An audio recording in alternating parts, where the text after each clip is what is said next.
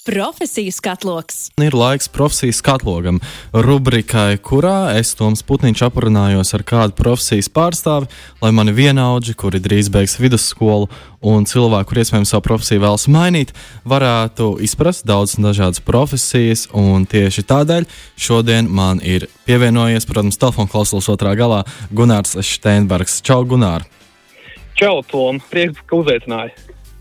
Prieks ir man ar tevi aprunāties, jo tu esi autoinstruktors un es šonadēļ ieguvu savu braukšanas mācību atļauju. Tad es arī sapratu, ka būtu ļoti loģiski arī aprunāties ar kādu autoinstruktoru, lai vairāk varētu saprast par tiem. Tādēļ pirmais jautājums tev, ko dara autoinstruktori?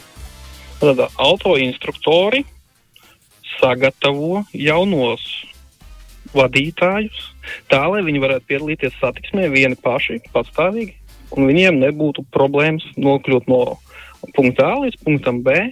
Viņi justos droši un viss viņiem izdostos. Tas ir tas, ko mēs autoinstruktori mācām. Mēs arī palīdzam kursantiem izprast nedaudz mašīnas uzbūvi.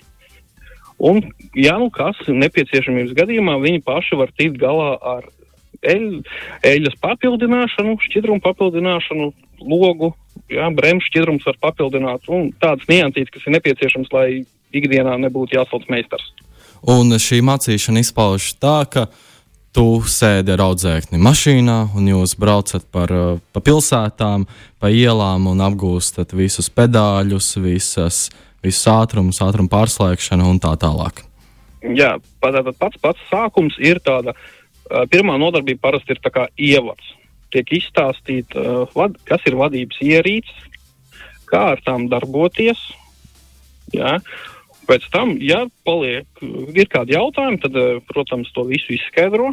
Jo kursantam ir svarīgi pilnīgi visu saprast. Tāpēc, ka nu, vadīt transporta līdzekli nav nemaz tik vienkārši. Tāpēc mēs arī esam, lai visu izskaidrotu un palīdzētu.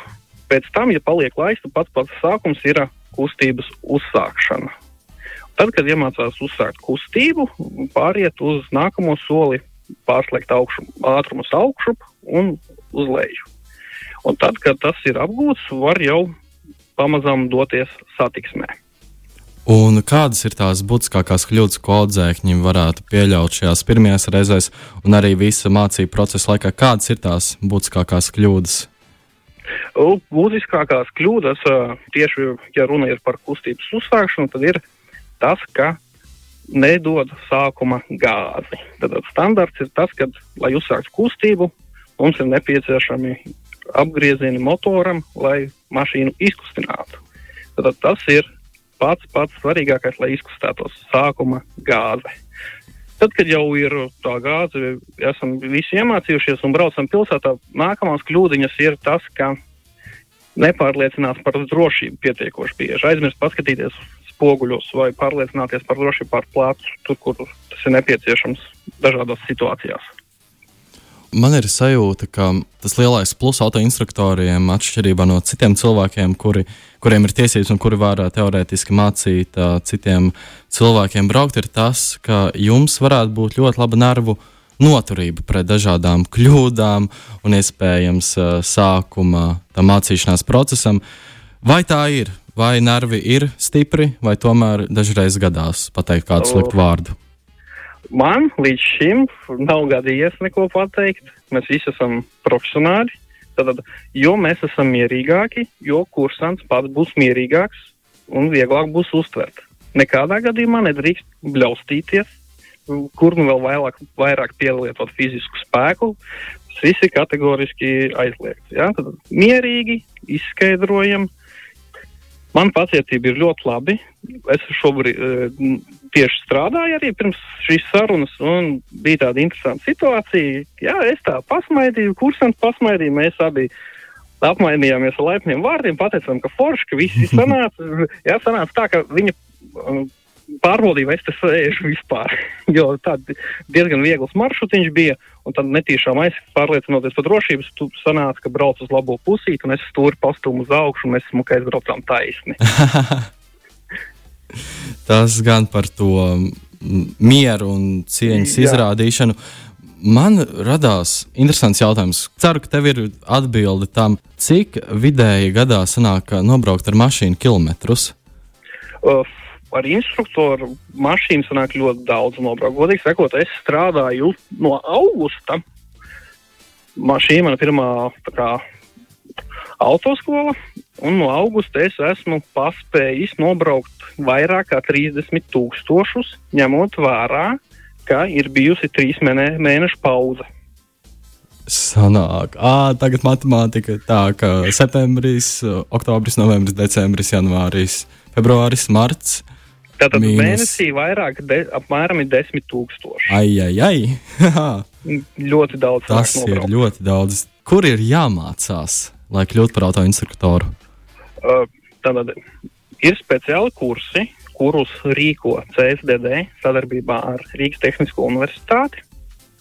Viņi rīko kursus, eh, ja es pareizi atceros, kursi notiek divas reizes gadā. Lai pieteiktos, ir jāzvanā CSDD un uz kvalifikāciju un, un ir iespēja pieteikties. Tad parasti ir jāgaida rinda, kad būs pietiekoši daudz cilvēku, kuriem, lai tie kursi sāktos. Ir tā, ka kursi ir diezgan dārgi, Jā, bet to var atļauties. Pēc tam, turpinot par kursiem, ir tā, ka ir trīs mēnešus ļoti intensīva teorija. Jā, teorija ir apmēram 5-6 stundas dienā. Ir arī braukšanas apmācība, kur uh, jau pieredzējis instruktors ar topošo instruktoru ir iespēja pabraukt ar instruktoru. Viņš izstāstīs uh, un palīdzēs saprast, ko mācīt kursantiem, kā ar viņiem runāt. Mums arī bija iespēja izbraukt ar smago mašīnu un autobusu pa placīti, pabraukājāmies nedaudz pa pilsētu, lai mēs varētu arī jaunajiem autovadītājiem izstāstīt, kā viņiem jārīkojas situācijās, kad mēs redzam kādu no lielākiem transporta līdzekļiem.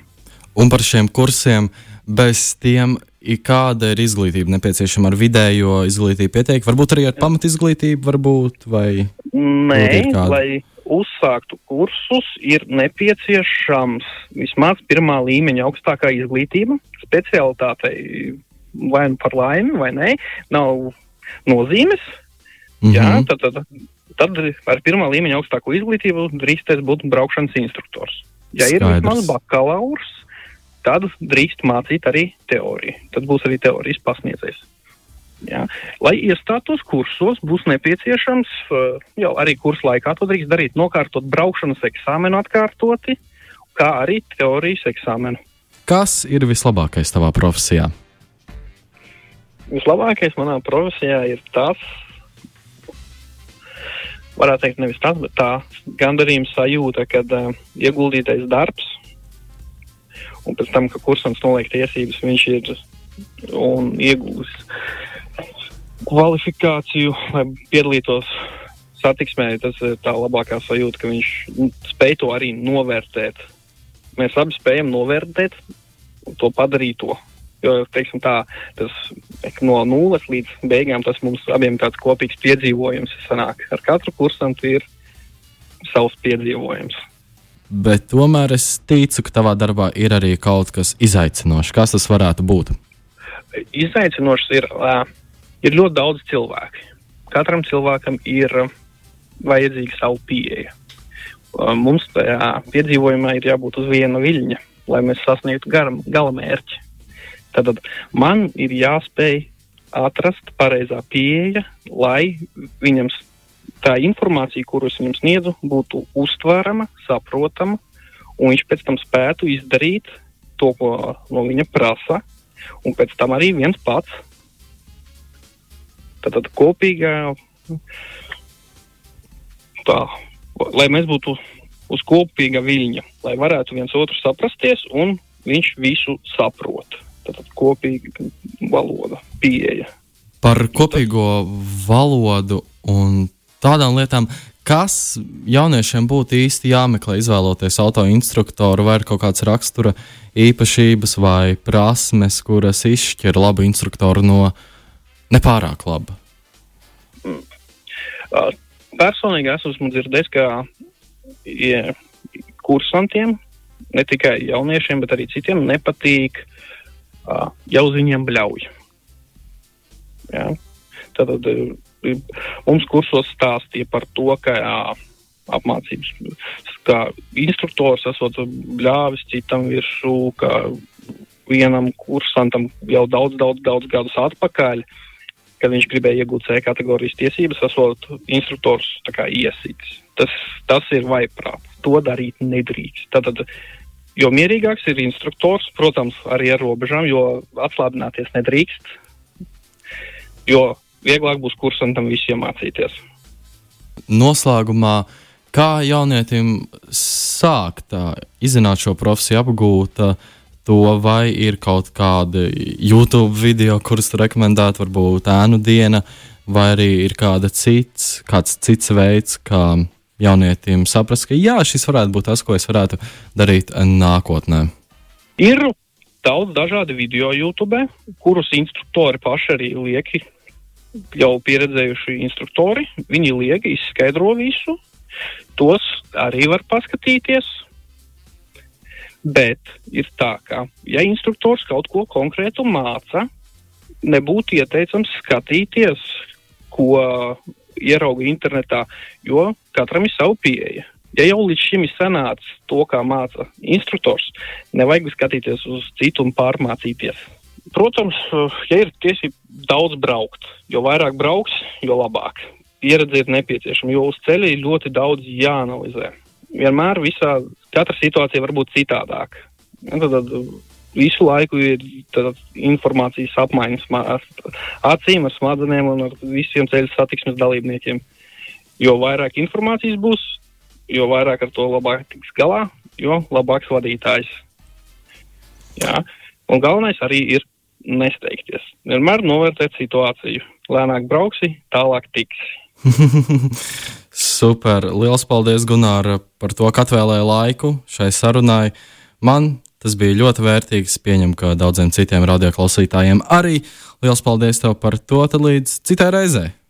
Labi, liels paldies, Tom. Visu labu! Visu labu! Profesijas katloks!